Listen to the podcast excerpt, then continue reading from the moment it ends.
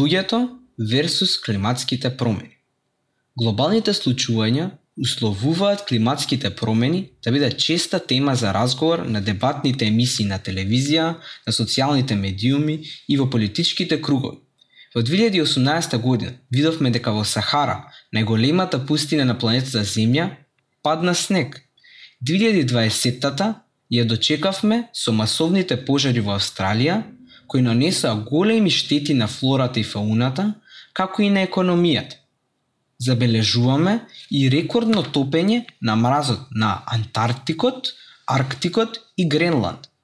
Јасно е дека ова што се случува е последица на глобалните климатски промени. Прашањето што треба секој од нас да си го постави е што можам јас да направам за да придонесам кон решавањето на овој проблем? Секако, нашето индивидуално действување нема да го реши проблемот, но е еден дел од слагалицата наречена решение за климатските промени. Колку повеќе луѓе се вклучуваат, толку повеќе делови се додаваат на слагалицата. Еден начин на кој може да помогнеме е да ги промениме нашите лични навики. Првото нешто што може да го направиме е да додека си ги миеме забите да ја затвориме чешмата. Понатаму, кога купуваме намирници, наместо да користиме пластични кеси, може да користиме платнени торби. Можеме да избегнуваме користење на пластика која не може да се рециклира.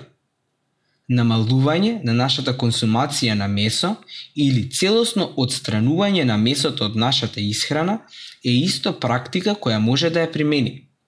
Ова се само дел од нештата што може да ги направи, а сите овие мали нешта имаат позитивно влијание. Друг начин на кој може да действуваме е преку нашиот активизам.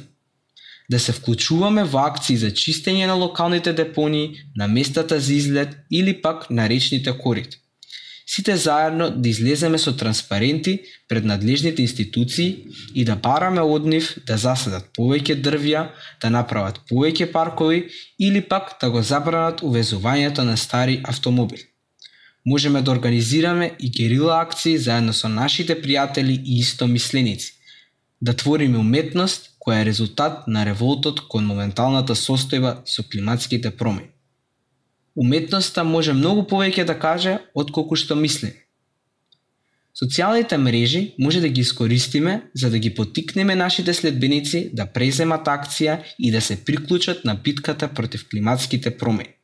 Понекогаш и една слика што ќе ја споделиме може да разбуди некој индивиду.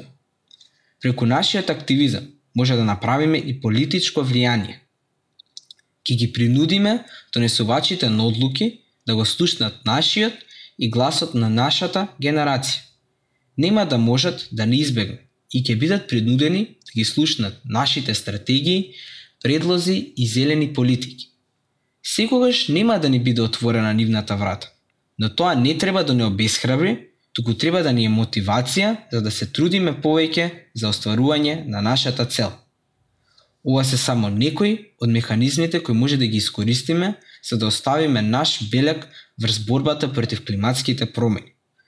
Најважното нешто што треба сите да го разбереме е дека сите имаме одговорност да преземеме нешто. Затоа што со нашата пасивност само потврдуваме дека тоа што го правате добро. Мора да се стремиме да бидеме дел од решението, а не од проблемот.